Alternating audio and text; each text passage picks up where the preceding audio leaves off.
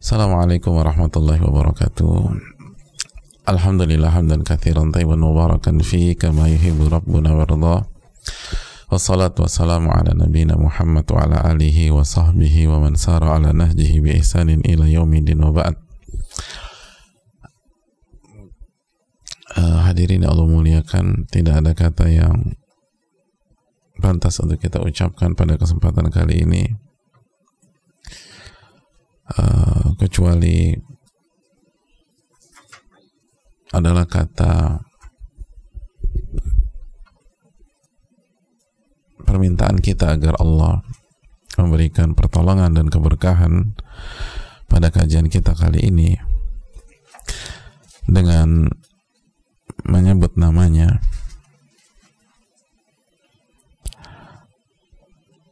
sebagaimana kita pun juga bersyukur dan memujinya atas segala nikmat dan karunia yang Allah berikan kepada kita. Nikmat yang tidak mungkin kita bisa hitung atau kita kalkulasikan.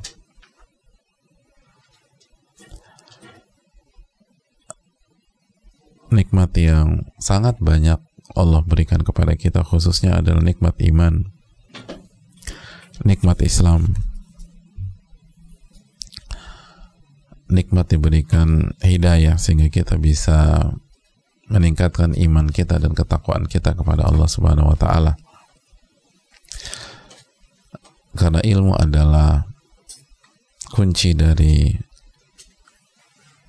pertambahan iman. Allah Subhanahu wa taala berfirman tentang orang-orang yang beriman dalam surat Al-Anfal ayat 2 dengan firman-Nya innamal mu'minuna alladzina idza dzukirallahu wajilat qulubuhum.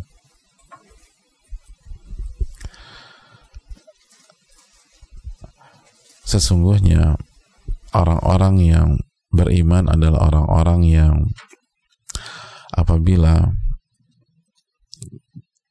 disebutkan nama Allah Subhanahu wa taala hati mereka bergetar. Wa idza tuliyat alaihim ayatuhu zadathum imana. Wa idza tuliyat alaihim ayatuhu zadathum imana. Dan apabila ayat-ayat Allah Subhanahu wa taala dibacakan dikaji dibahas maka imannya pun akan bertambah. Imannya pun akan bertambah. Oleh karena itu hadirin yang Allah muliakan marilah kita bersyukur kepada Allah ketika kita diberikan kesempatan mengerjakan aktivitas yang akan menambah iman kita. Dan kita kembali bersama Riyadus Salihin, salah satu buku terbaik. Kita bersama salah satu ulama terbaik, Al-Imam An-Nawawi rahimahullahu taala sebagaimana kita juga bersama nasihat yang sangat dalam yang disampaikan oleh Nabi kita Shallallahu Alaihi Wasallam langsung di hadapan seorang anak kecil tapi multi talent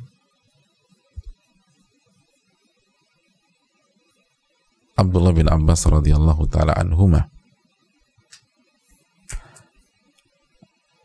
Nasihat yang sangat luar biasa jemaah sekalian. Yang penuh dengan nilai dan kunci kesuksesan di dunia maupun di akhirat. Pesannya sangat kuat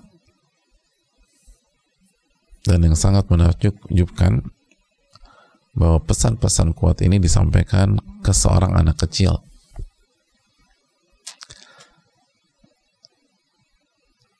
Anak kecil yang bagi sebagian orang nggak dianggap, dicuekin. Ah ini urusan orang dewasa, anak kecil pada main aja sana. Tapi Nabi tidak. Lu sampaikan pesan-pesan yang sangat kuat ini ke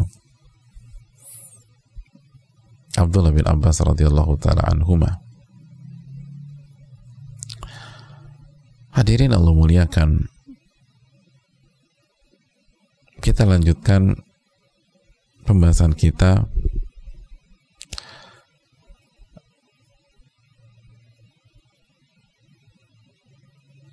Di riwayat yang lain dari hadis Abdullah bin Abbas tersebut. Dan juga masih diriwayatkan atau masih dibawakan oleh Imam An-Nawawi Al-Imam Yahya bin Sharaf bin Murri bin Hasan bin Hussein bin Muhammad Abu Zakaria atau yang biasa dikenal dengan nama Al-Imam Nawawi. Semoga Allah merahmati beliau keluarga beliau orang-orang yang beliau cintai guru beliau dan seluruh kaum muslimin. Mari kita simak uh, redaksi dari hadis tersebut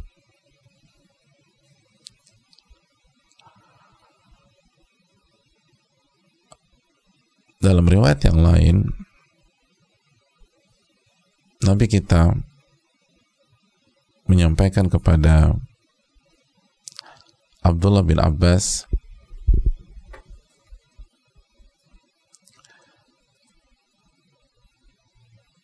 jagalah hak Allah.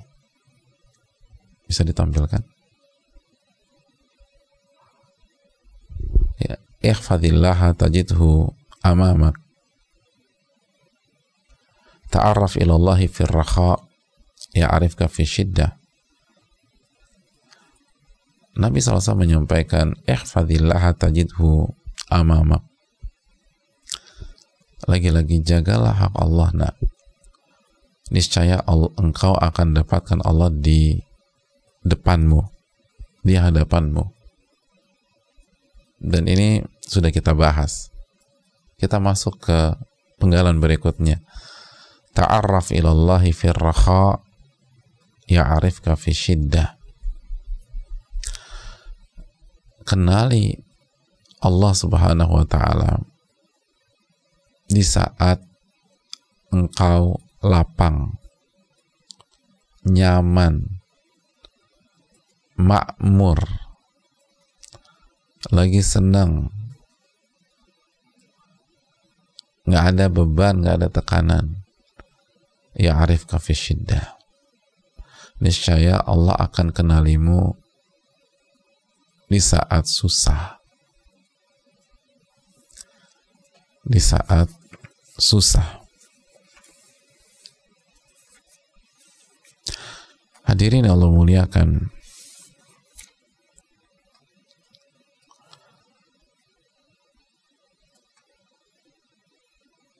Ini lagi-lagi pesan yang sangat kuat.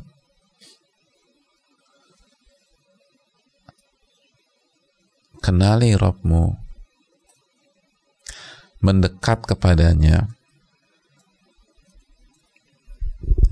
bertakwalah kepadanya ketika kamu sedang nyaman, sedang lapang. Niscaya Rabbu akan mengenalimu di saat kamu sulit. Ingatlah Allah, kenali Allah, mendekatlah kepada Allah ketika lagi sehat. Maka Allah akan ingat kita ketika kita sedang sakit.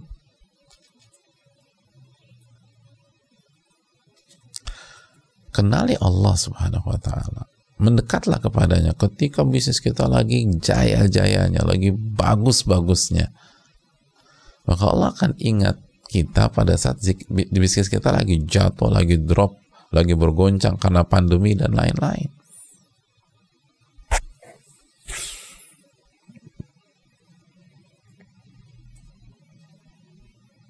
Sebuah pesan yang sangat dalam.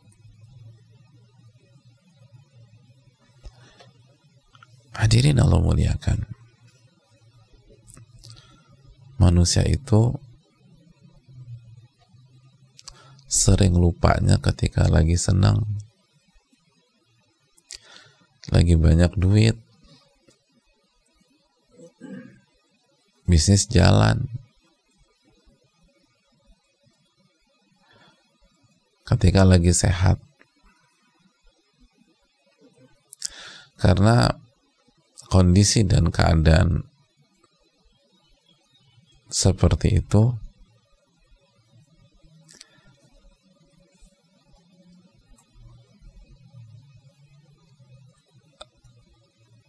sering kali menyulitkan kita untuk bisa meresapi hakikat diri ini sebagai seorang hamba.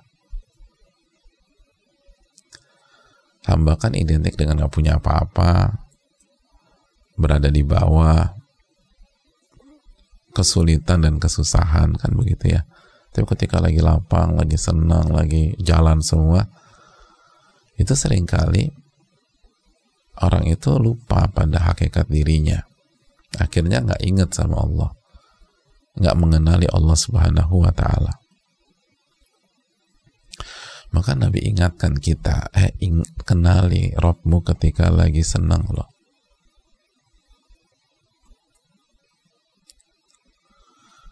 Niscaya ia akan mengingat, mengingat dan mengenalimu ketika lagi susah.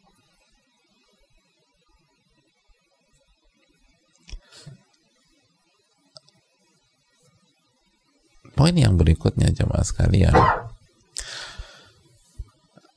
maksud Nabi SAW ketika Nabi Shallallahu Alaihi Wasallam menyatakan bahwa niscaya Allah akan mengenalimu, maka ini yang dijelaskan oleh para ulama sebagai ta'aruful khas.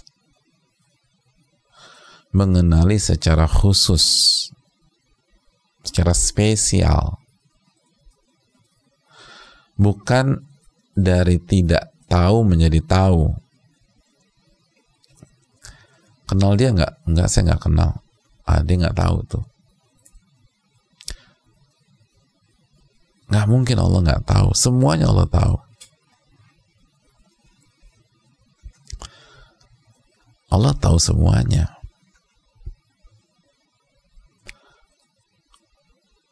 Wa indahu mafatihul ghaibi la ya'lamuha illahu kan begitu ya. Dalam surat Al-An'am ayat 59 yang sudah kita bahas yang sudah kita bahas beberapa waktu yang lalu dan di sisi Allah lah kunci hal-hal yang gaib. Nggak ada yang tahu kecuali dia semuanya Allah tahu. Oh, jangankan kita. Kan ayatnya berbunyi wa matasqutu min waraqatin illa ya'lamuha. Itu daun yang gugur aja Allah tahu dari pohon apa lalu ditiup tertiup angin atau enggak. Kalau tertiup angin ke mana dibawa oleh angin lalu ke mana terhempas itu Allah tahu. Apalagi cuma ngenalin kita kita aja punya pohon mangga di depan nggak tahu berapa daun yang gugur dan jatuh pada kemarin. Emang ada yang tahu? Nggak ada yang tahu. Padahal itu daun itu pohon pohon kita. Dan cuma atu-atunya di pekarangan kita. Sedangkan tahu semuanya. Tapi yang dimaksud mengetahui ini adalah mengetahui secara khusus pengetahuan yang mengandung pertolongan, penjagaan,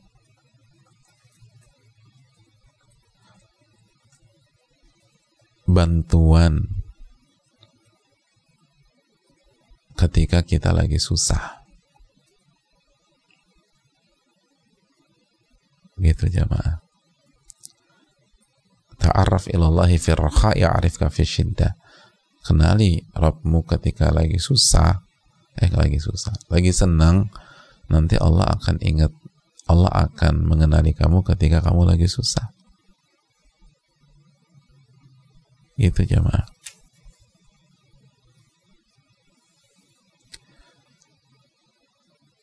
dan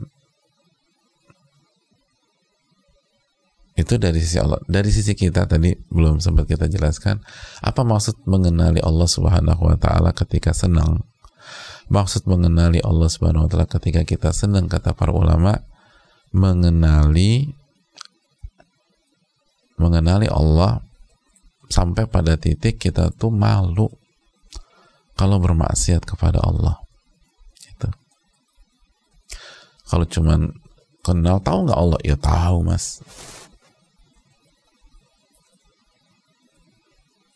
tapi ngomongnya sambil ngisep ganja gitu. Ya tahu lah mas. Gitu. Allah. Enggak. Ini tahu sampai pada titik kita tuh malu kalau maksiat. Gitu coba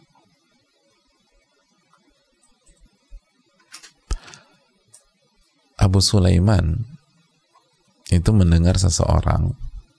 Abu Sulaiman rahimahullah mendengar seseorang yang mengatakan dengan bangganya sahirtul bariha fi dzikri nisa. Kemarin aku begadang dan ngebicarain perempuan. Bayangkan begadang ngebicarain perempuan. Dan dibanggakan gitu.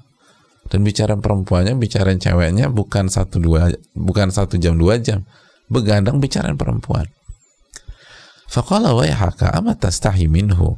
Yaraka sahiran fi dzikri ghairihi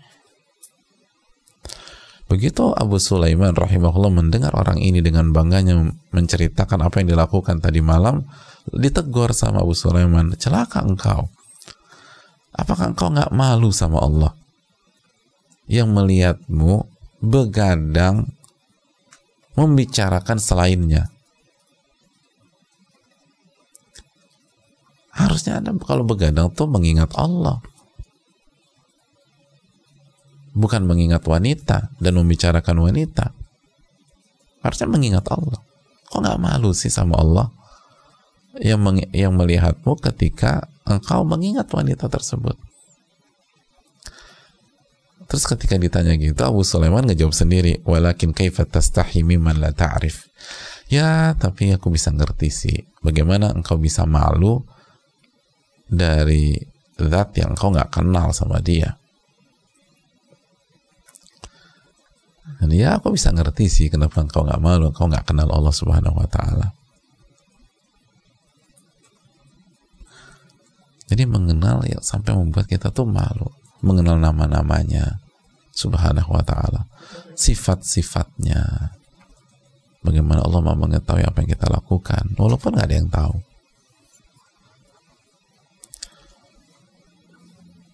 Allah bisa balas kita dengan mudah sekali mudah. Allah bisa balikkan kondisi dengan sangat mudah. Tinggal bilang kun semua berubah hadirin. Kun fayakun hanya bilang kun semua berubah.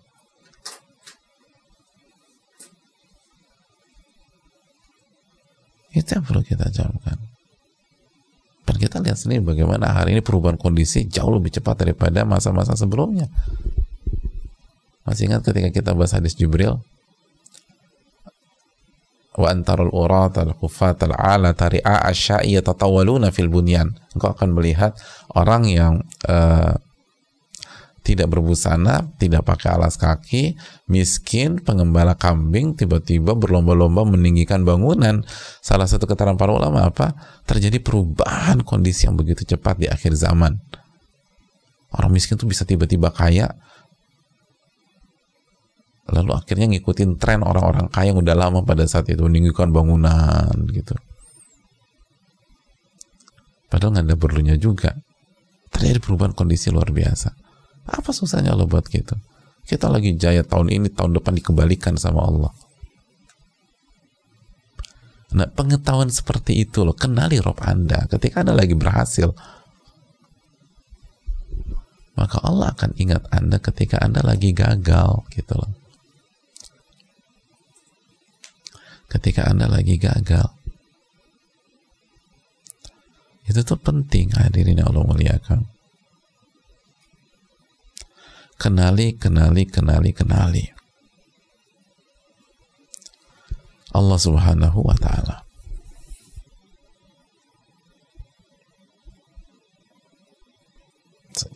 Kenali Allah sebagaimana yang sudah kita bahas ayatnya ya alamu kha'inatal a'in wa ma sudur. Allah tuh tahu pengkhianatan mata dan apa yang disembunyikan di dalam dada.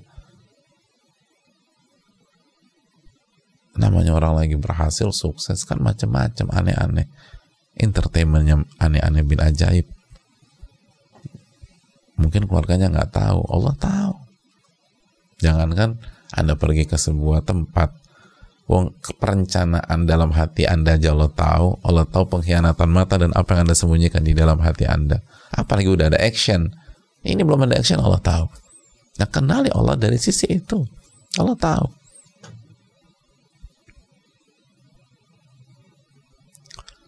Allah tahu. Bukan nggak ngerti. Dan juga kita harus tahu ya, ketika Allah meng, meng, mem, apa, mengetahui gerak gerik kita pada saat kita lagi punya semuanya, pada saat kita lagi apa namanya, lagi sukses, lagi main petak umpet dalam tanda kutip, karena kita punya semuanya, kita punya fasilitas, kita punya uh, orang-orang bisa ngatur ngeset maksiat untuk kita segala macam. Lalu kayaknya lancar-lancar aja. Lalu kita pikir itu karena uang kita karena akses ke uh, network kita link kita kekuasaan kita itu bukan berarti dibiarkan oleh Allah. Nah kita harus tahu itu tuh. Kenali itu kenali itu. Bahwa Allah subhanahu wa ta'ala bukan berarti membiarkan kita. Kita harus kenali bahwa Allah berfirman dalam surat Ibrahim ayat 42 wala tahsabannallaha ghafilan amma ya'malu dhalimun. Dan jangan sekali-kali Anda berpikir Allah itu nggak tahu. Allah itu lalai apa yang dikerjakan orang-orang zolim? Allah tahu kita harus kenali itu. Jadi jangan tenggelam dalam euforia. Inna ma yuakhiruhum liyaumin tashkhasu fihi al-absar. Tapi Allah tunda aja. Dibiarin dulu aja sama Allah. Sampai kapan? Sampai hari di mana mata terbelalak. Hari kiamat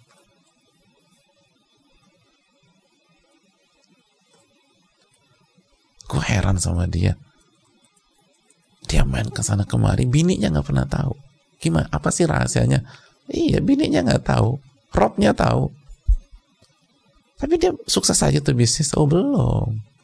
Nah kita harus kenali konsep ini nih. Bagaimana Allah berbuat untuk kita. Nggak langsung, nggak, se nggak setiap orang Allah langsung kasih pelajaran pada hari itu. Wala tahsabanna Allah ghafilan amma ya'malu zalimun.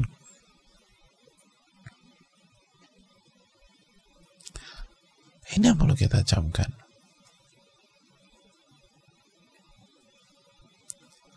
kenali Allah Subhanahu wa taala pada saat kita lagi lapang, lagi sehat dan seterusnya.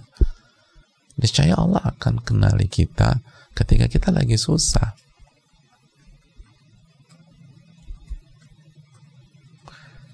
Ketika kita lagi susah hadirin sekalian. Itu yang perlu kita camkan bersama-sama. Terus pelajari tentang Allah Subhanahu wa taala terus pelajari tentang Allah Subhanahu wa taala.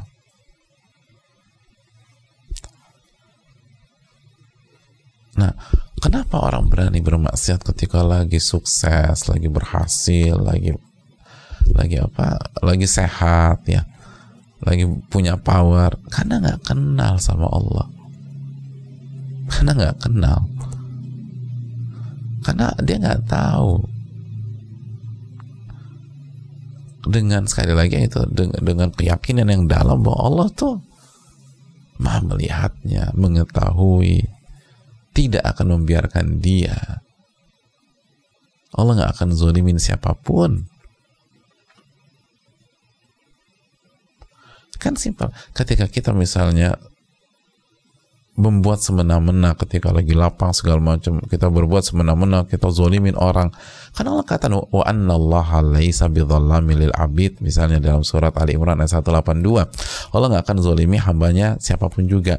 Artinya ketika kita zolimin orang nih karena kita lagi di atas kita zolimin orang yang ada di bawah. Lalu Allah biarkan. Berarti kan Allah zolimin yang ada di bawah tersebut. Allah nggak akan zolimin. Allah akan tolong tuh orang melawan kita mungkin bukan tuh orang yang ngancurin kita karena dia tetap aja ada di bawah sampai dia meninggal dunia tapi emang Allah nggak punya hamba lain yang bisa menjatuhkan kita sebagaimana kita menjatuhkan tuh orang oh, banyak cara jamaah dan sangat gampang, sangat gampang bagi Allah. Nah, Anda kenali nggak Rob Anda itu seperti itu? Ketika sedang nyaman, sedang berada di atas, sedang seakan-akan punya semua.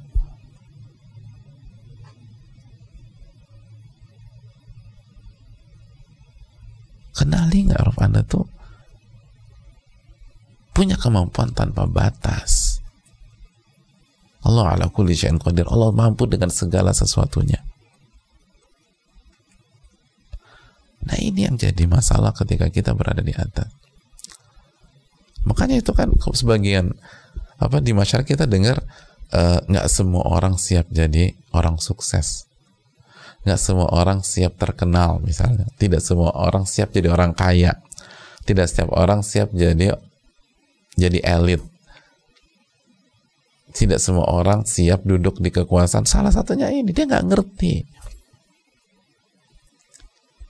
Bahwa kalau dia tidak menjaga hak Allah, dia selesai hadirin. Mungkin bukan detik itu. Mungkin bukan di tahun itu. Tenang. Kan kehidupan bukan berakhir di tahun ini aja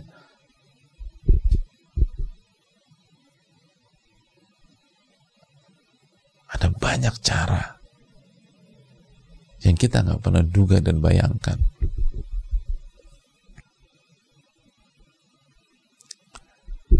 Itu poinnya. Jadi kita harus ngerti yang begini-begini kata para ulama kita.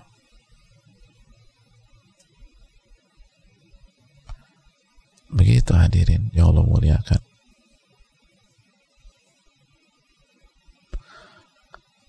Jangan pernah merasa aman. Jangan tenggelam dalam euforia, keberhasilan dan kesuksesan duniawi. Karena Rob kita nggak tidur, nggak ngantuk. Itu kan ayat kursi yang kita baca. Kalau kita suka ngantuk, pas kajian kayak gini suka ngantuk kita. Rob kita enggak. La ta'khudhuhu sinatu wala naum Allah nggak pernah diserang rasa ngantuk dan tidur. Suami kita ngantukan mungkin, istri kita ngantukan. Udah dia tidur, kita kerja, quote and quote kita kerja deh. Kita mainkan di jam 12 malam, jam 1 malam, jam 2 malam. Istri kita, kok bisa sih? Ah, bini gue tuh jam 11 udah tewas. Dan kalau tidur ke orang mati, tenang aja Iya, istri Anda, Rob Anda, la ta'khudhuhu sinatu wa. Kesannya sih kita bisa melakukan apa pun, enggak. Enggak bisa. Tidak bisa jamaah sekalian. Itu yang perlu kita camkan. Kenali Allah Subhanahu wa taala sehingga kita merasa diawasi. Nah ini muraqabah, muraqabah, muraqabatullah. Muraqabah.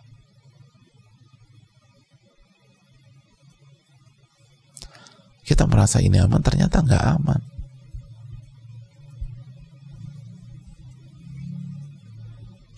Kenapa kita bisa sekali lagi bisa pahami konsep seseorang merasa aman lalu dia bicara macam-macam ternyata disadap itu manusia dengan manusia kita kejadian real hari ini.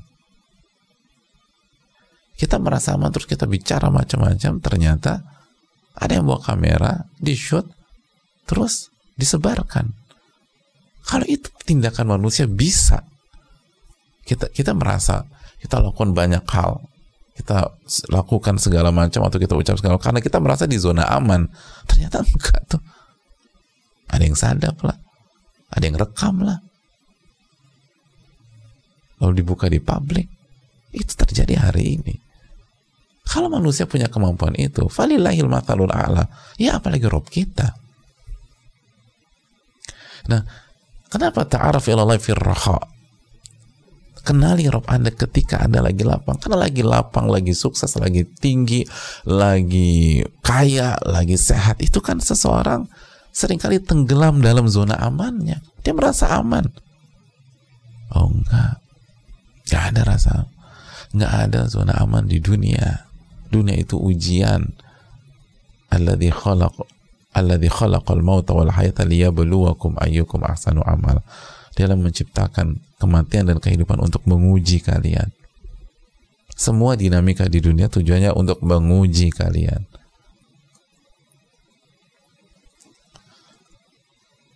Itu yang perlu kita camkan. Pelajaran yang berikutnya jemaah. Hadis ini menjelaskan kepada kita bahwa kehidupan dunia itu akan berputar.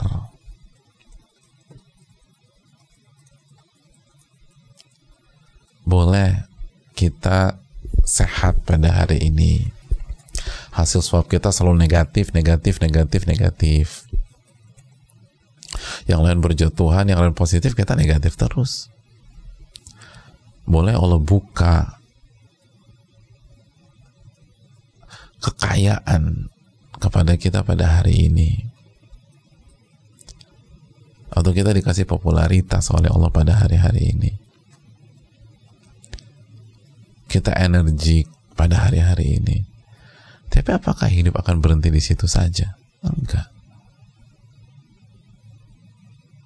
Allah akan putar. Nah orang yang cerdas ketika sedang berada di atas ketika sedang sehat ketika sedang punya semuanya, dia harus mikir bahwa suatu saat, suatu hari, dia akan berada di kondisi terjepit. Dia akan berada di kondisi darurat. Dia akan berada di kondisi sulit Allah Subhanahu wa taala berfirman dalam surat Ali Imran ayat 140, "Wa tilkal ayyamu nudawiluha bainan nas." Ini Allah berbicara tentang apa? Ini berbicara tentang perang Uhud awalnya. Allah kata iyam saskum qarhun faqad massal qauma qarhum mithlu wa tilkal ayyamu nudawiluha bainan nas. Wa liya'lamallahu alladhina amanu wa yattakhidha minkum syuhada wallahu la yuhibbul zalimin apabila kalian tertimpa kata Allah apabila kalian tertimpa luka maksudnya di perang Uhud ketika kalian tertimpa kekalahan maksudnya di perang Uhud maka sesungguhnya musuh kalian pun orang kafir Quraisy itu itu juga mengalami kekalahan dan luka yang sama di perang Badar. Nah berikutnya bottom lainnya simak baik-baik. Watil kal ayam dan masa kejayaan dan kehancuran itulah yang kami pergilirkan, kami putar di antara manusia Jadi menang kalah itu kita puter itu. Perang Badar kalian menang, oke. Okay. Perang Uhud kalian kalah. Itu kehidupan. Ada kalanya kita menang, ada kalanya kita kalah. Gak ada menang terus tuh gak ada. Oh Nabi SAW aja mengalami kondisi di perang Uhud jamaah. Ada kalanya Nabi dan para sahabat tertindas di pera, di apa di fase Mekah lalu Allah kasih kejayaan diputar sama Allah.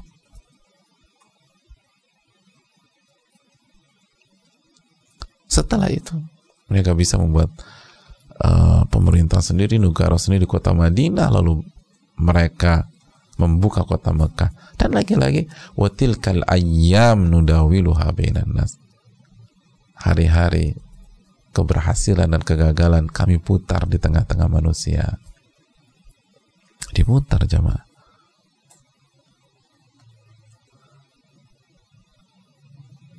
Diputar.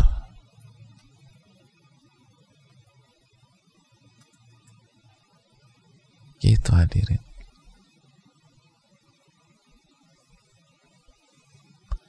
Hidup tuh begitu. Coba aja lihat siklus hidup kita. Dari kita nggak bisa apa-apa, lemah, waktu bayi dan seterusnya. Siapa yang di antara kita lahir, eh, lahir udah six pack kan nggak ada ya. Masih susah, lemah, nggak bisa berdiri terus. Terus diputar lagi, lemah lagi. Oh, ada hidup banyak diputar terus. Diputar.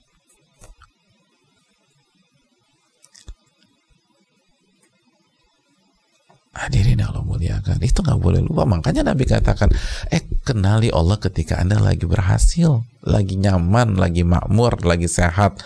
Niscaya Allah akan kenali anda ketika anda lagi susah. Itu berarti hidup itu akan diputar. Sedominan apa pun anda di hari ini, belum tentu hari esok anda dominan sekuat apa pun. Sekuat apa pun. Ini kan pelajaran. Jadi jangan jangan mabuk gitu loh. Anda harus mikir ketika anda jatuh ini gimana caranya. Nah sebagian orang sudah berpikir demikian tapi pakai cara yang keliru. Pakai cara yang haram mencari jaminan ketika susah, ketika hari tua, ketika sakit dengan cara yang haram. Lu caranya bukan begitu. Caranya kenali Allah. Jalankan aturan Allah. Jalankan perintah Allah, jauhi larangan Allah ketika kita lagi berada di atas. Ketika kita lagi sukses. Jaga sholat jaga ibadah. Begitu. Kan itu kan terjadi jamaah. Dulu waktu waktu sehat tuh udah puluhan tahun kita sehat kita gunakan badan ini di, di luar jalan Allah. Begitu difonis baru nangis-nangis. Baru nangis-nangis. Begitu awal-awal nikah honeymoon ke tempat A, tempat B, tempat C yang maksiat, maksiat, maksiat, pakaian juga nggak dijaga. Begitu ada masalah rumah tangga baru datang ke pengajian. Kan itu itu manusia tuh begitu. Pas lagi lagi mesra-mesranya, lagi romantis-romantis, lupa sama Allah tuh. Begitu ada goncangan rumah tangga baru. Kayaknya gue, butuh pengajian deh. Lo kenapa baru sekarang? Kenapa baru sekarang? Dulu ke mana aja?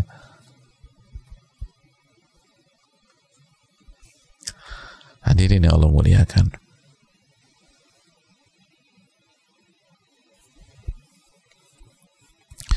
Kenali, kenalilah Allah ketika sedang normal, sehat, nyaman, maka Allah akan ingat kita ketika kita susah. Kenali dengan mendekat kepadanya, menjaga perintah dan larangannya. Hadirin, sejarah manusia mencatat ada dua sosok yang punya banyak persamaan.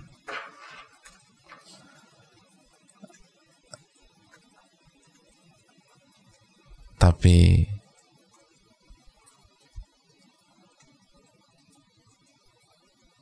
mengalami ketetapan yang berbeda. Dua sosok berada di sebuah episode takdir kehidupan mereka. Dan di episode itu punya banyak persamaan. Tapi ketetapannya berbeda.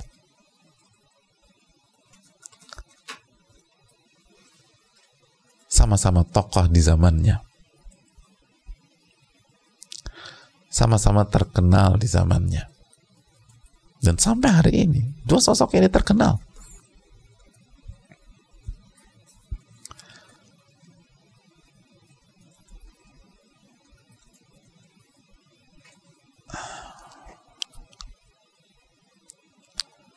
Sama-sama berada di tengah lautan. Sama-sama tenggelam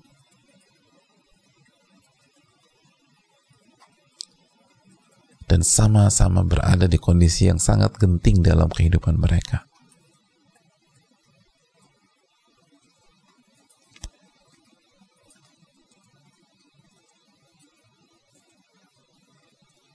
Tapi berakhir berbeda.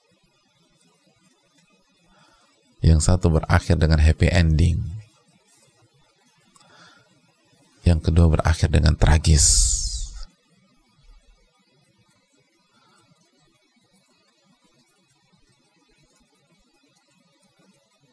sama-sama tenggelam. Yang satu berakhir dengan happy ending. Dan yang kedua berakhir dengan tragis.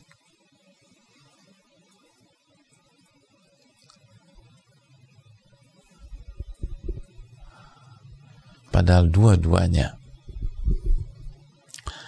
ketika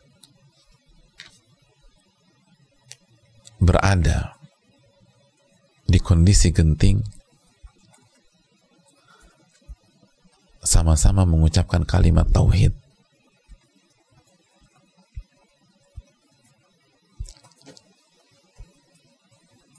Sama-sama menunjukkan keimanan.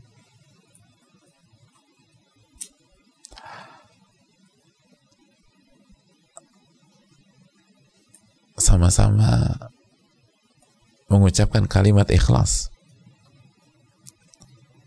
tapi sekali lagi yang satu berakhir happy ending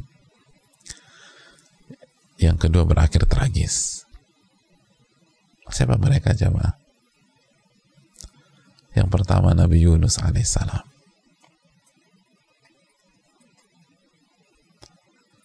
Nabi Yunus alaihissalam.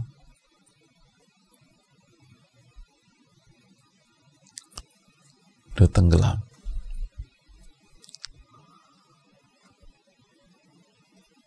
Lalu dimakan oleh ikan yang sangat besar.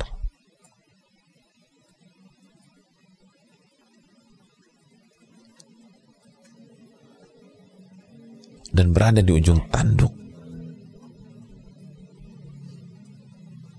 Gak ada yang bisa kasih pertolongan. Gak ada manusia yang bisa mensupport beliau.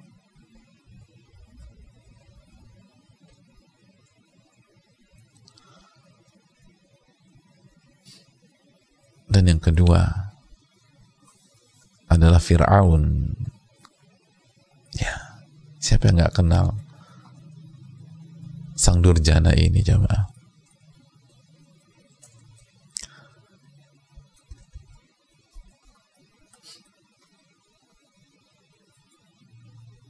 ia berada di tengah laut merah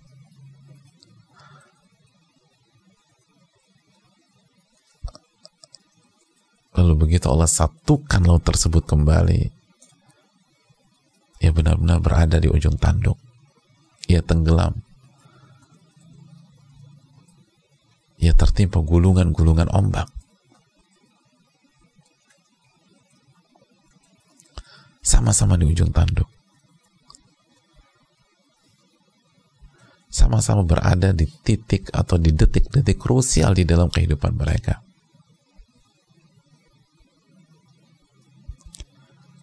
Dan gak berhenti sampai di sana. Di saat sekali, di saat kondisi demikian di saat kondisi demikian. Mereka berdua mereka berdua sama-sama mengucapkan kalimat yang begitu indah.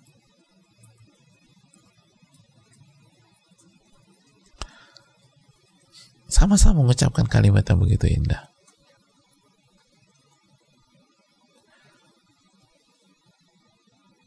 Mari kita simak apa yang diucapkan Fir'aun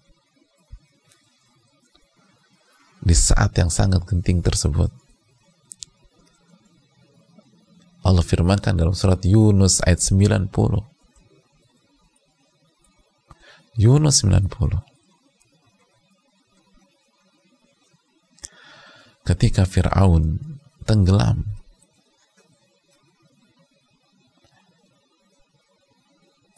Ketika tidak ada yang bisa menolong.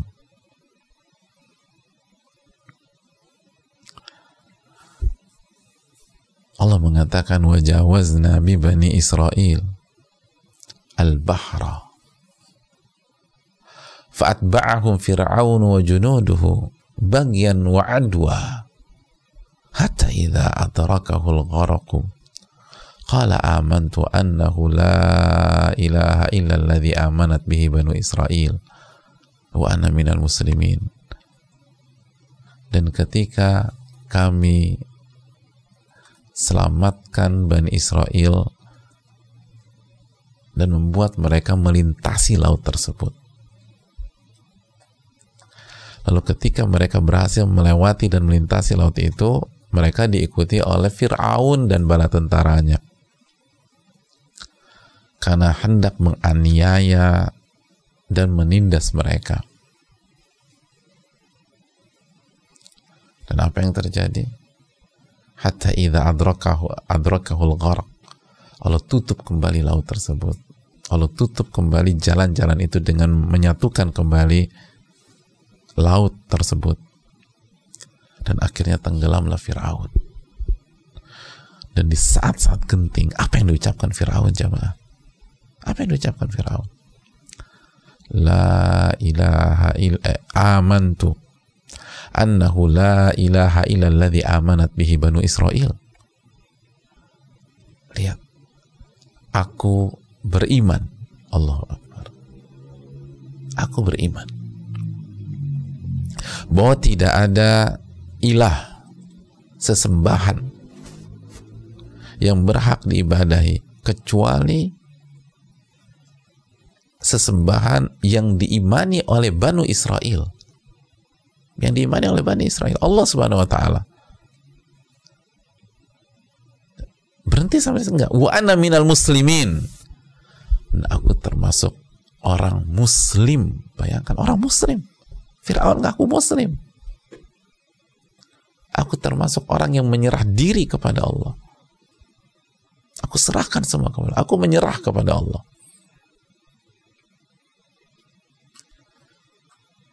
Hadirin, kalimat yang begitu indah, amantu. Annahu la ilaha illalladzi amanat bihi banu Israel wa ana minal muslimin. Oh indah sekali kalimat ini jemaah. Aku beriman. Tidak ada zat yang berhak diibadahi kecuali yang diibadahi oleh Bani Israel. Allah. Dan aku termasuk orang muslim.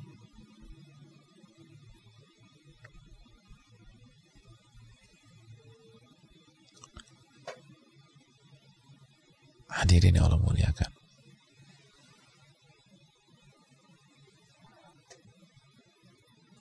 Kita berhenti sampai di sini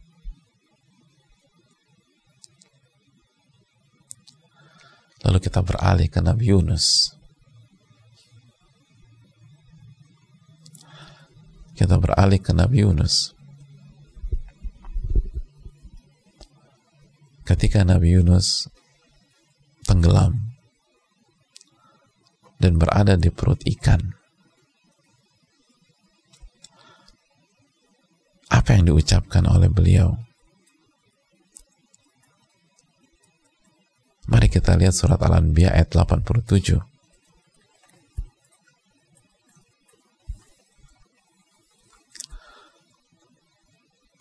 Ketika Allah Subhanahu wa taala berfirman, "Wa dhannun إذ ذهب مغاضبا فظن أن لن نقدر عليه fanada fi dhulumat.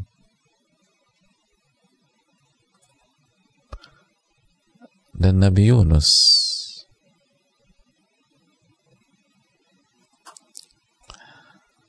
Ketika pergi meninggal kaumnya dalam kondisi marah.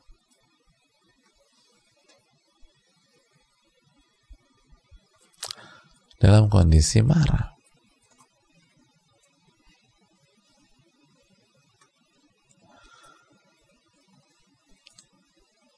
Dan beliau berpikir kami tidak akan bisa menguasai kondisi tersebut. Khilaf biasa. Akhirnya dilemparkan ke laut, singkat cerita dimakan oleh ikan, fanada fi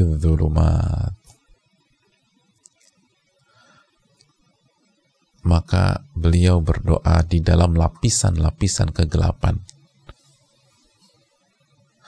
kegelapan malam jamaah. Lapisan-lapisan kegelapan. Kegelapan dasar laut atau di dalam tengah laut. Dan gelapnya perut ikan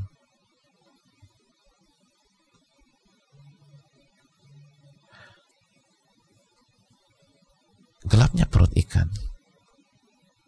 Tiga kegelapan kata Allah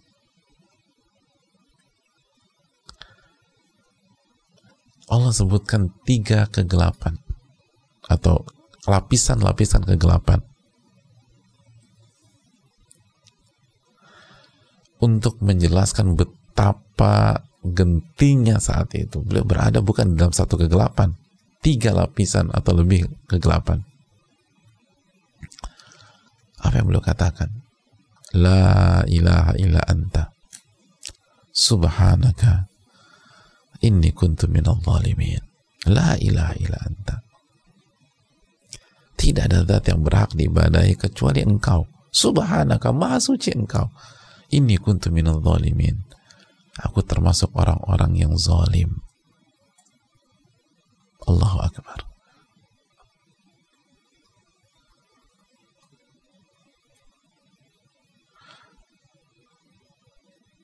hadirin yang Allah muliakan.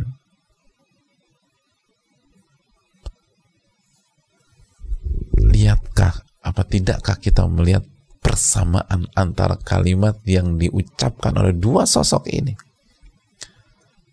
Apa sosok yang pertama bilang? Apa yang diucapkan Firaun? Amantu annahu la ilaha illa. Amantu annahu aku beriman bahwa tidak ada sesembahan yang berhak diibadai kecuali sesembahan yang diimani oleh Bani Israel. Kalimat tauhid. Kalimat tauhid. Dan yang diucapkan Nabi Yunus kalimat tauhid juga. La ilaha illa anta.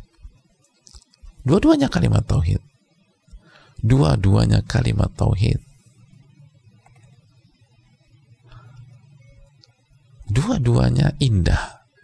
Dua-duanya luar biasa. Dua-duanya kalimat-kalimat terbaik. Yang satu aman tu annahu la ilaha illalladzi amanat bihi banu Israel yang satu la ilaha illa anta. Tapi kita tahu semua apa yang terjadi di menit-menit berikutnya Fir'aun.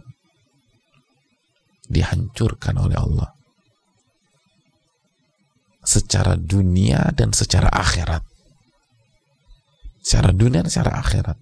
Dihancurkan di sini bukan hanya meninggal ya. Kalau meninggal semua juga meninggal. Tapi nggak diterima sama Allah. Kalimat itu nggak diterima sama Allah.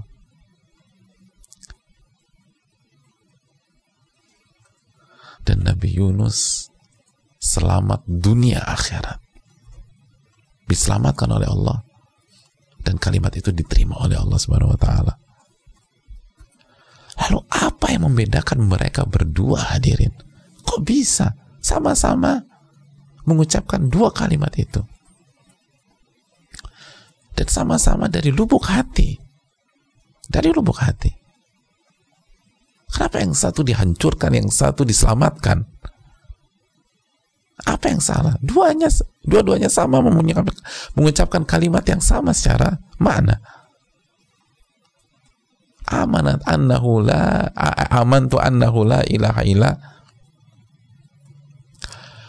amantu annahu la ilaha illa alladhi amanat bihi banu Israel. Yang satu la ilaha illa anta subhanaka ini kuntu minadh dhalimin.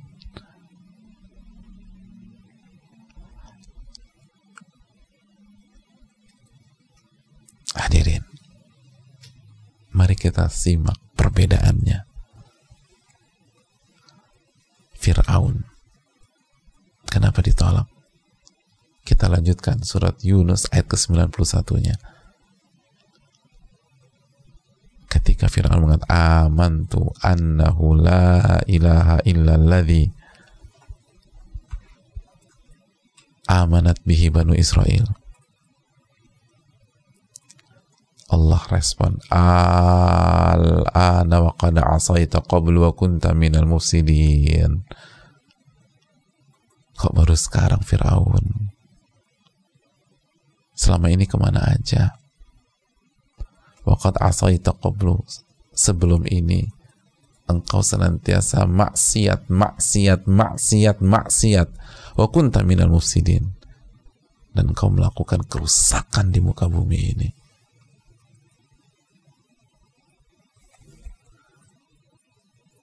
amantu annahu la ilaha illalladzi amanat bihi banu Israel tidak ada pengaruh.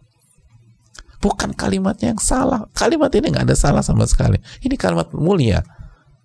Aku beriman bahwa tidak ada zat yang berhak diibadahi kecuali yang yang diimani oleh Bani Israel Allah Subhanahu wa.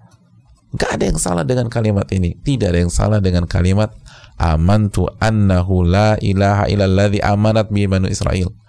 Yang salah adalah episode-episode sebelum kalimat ini diucapkan. Di saat nyaman, di saat lapang, di saat Fir'aun sedang ada di atas, di saat semua bisa di, diatur dengan tangan besinya. Makanya itu yang dikatakan Allah, Al-ana wa qada asaita qablu. Wa kunta minal mufsidin. Kok baru sekarang? Dulu waktu lagi sukses ke mana aja? Waktu lagi normal ke mana? Bukan kalimat yang salah. Tapi apa yang dikerjakan Fir'aun sebelum episode ini yang salah.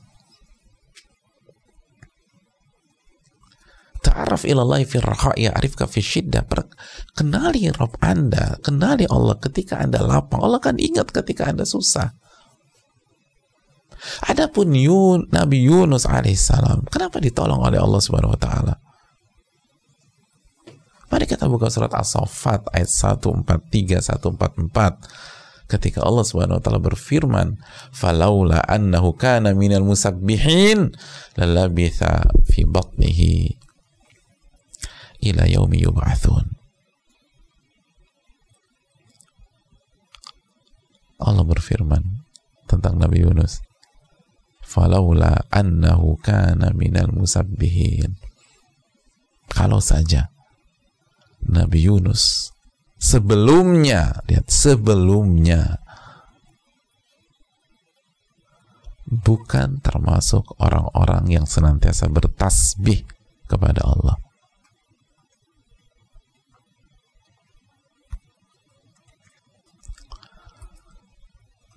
Kalau Nabi Yunus sebelumnya. Bukan pada saat mengungkapkan tapi sebelumnya.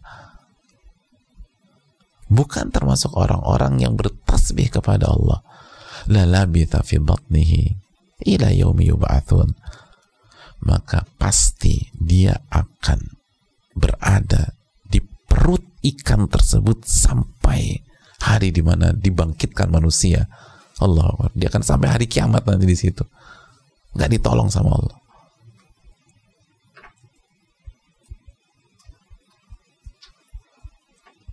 Oh, luar biasa.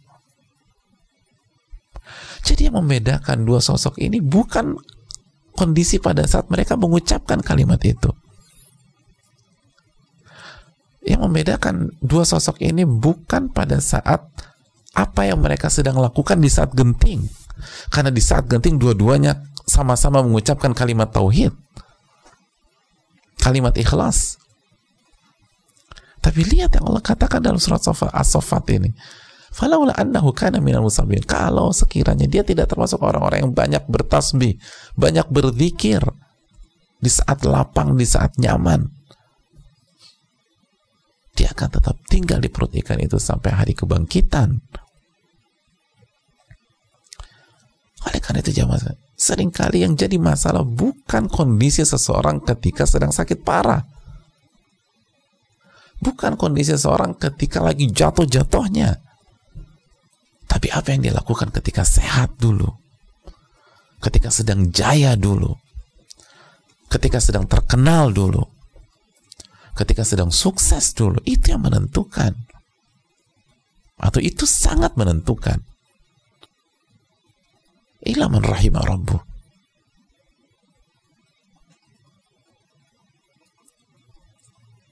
kecuali orang-orang yang dirahmati oleh Allah. Apa yang kita lakukan ketika kita lagi sedang nyaman segala macam? Itu menentukan pertolongan Allah ketika kita lagi susah hadirin. Maka ingatlah nggak selamanya kita ada di atas nggak selama ini tubuh ini muda terus dan sehat energik terus. Betapa banyak orang yang jaga tubuhnya luar biasa tiba-tiba suatu saat tiba harinya di mana ada benjolan besar dan ternyata difonis kanker stadium 4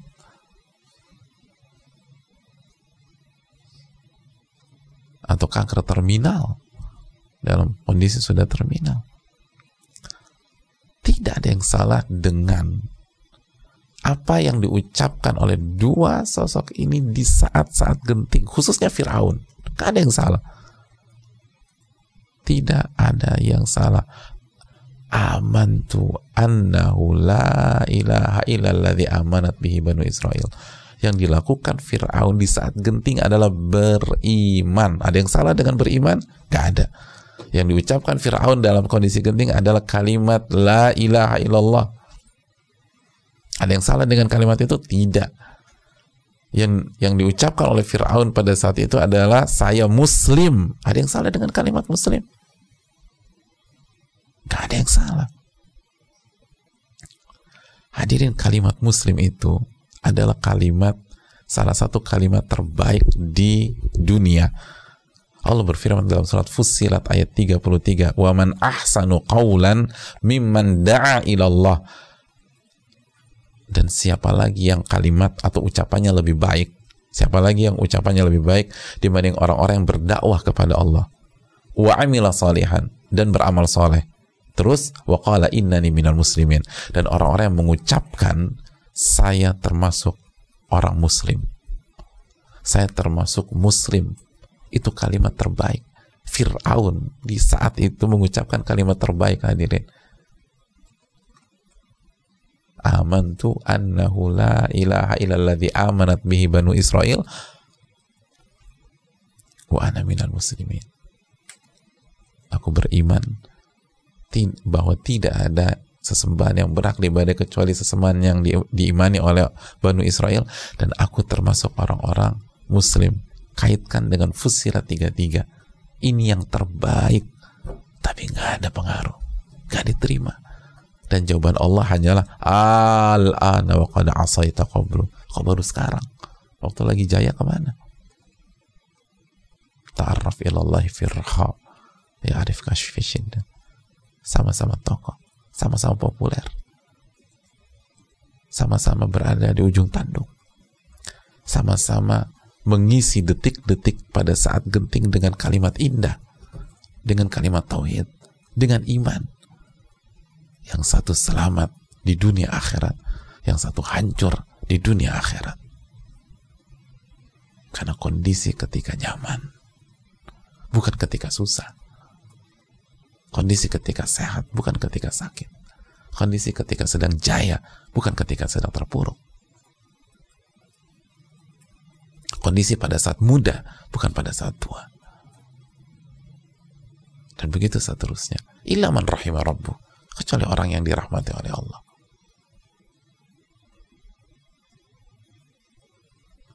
Orang yang diterima taubatnya oleh Allah Subhanahu wa taala.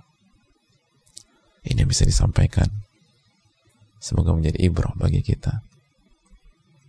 Jangan pernah tenggelam dalam euforia.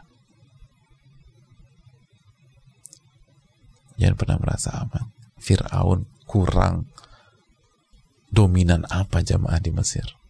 Saking dominannya ngaku Tuhan. Ngaku Tuhan. Itu yang jadi masalah.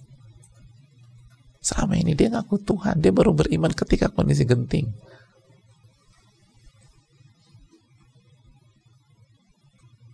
tapi nggak ada gunanya. Karena di antara faktor melupakan Allah ketika sedang nyaman, sedang makmur, sedang sukses. Kalau orang sekuat Fir'aun aja hancur, gimana kita yang nggak sekuat dia dalam segi kekuasaan, harta, pasukan, dan lain-lain. Fa'tabiru ya ulil albab. Marilah mengambil pelajaran dari dua kisah ini. Ta'arraf ilallahi firraha ya'rifka fi syiddah. Kenali Allah ketika kita sedang nyaman, lagi sukses. Maka Allah akan ingat kita ketika kita sedang jatuh. Ingat, dunia itu Allah putar. Gak selamanya kita di hari-hari sehat, di hari-hari nyaman, di hari-hari banyak uang, di hari-hari banyak pihak, jaringan kuat. Mungkin kita dikenal. Ada hari-hari di mana kita sendirian. Terbujur.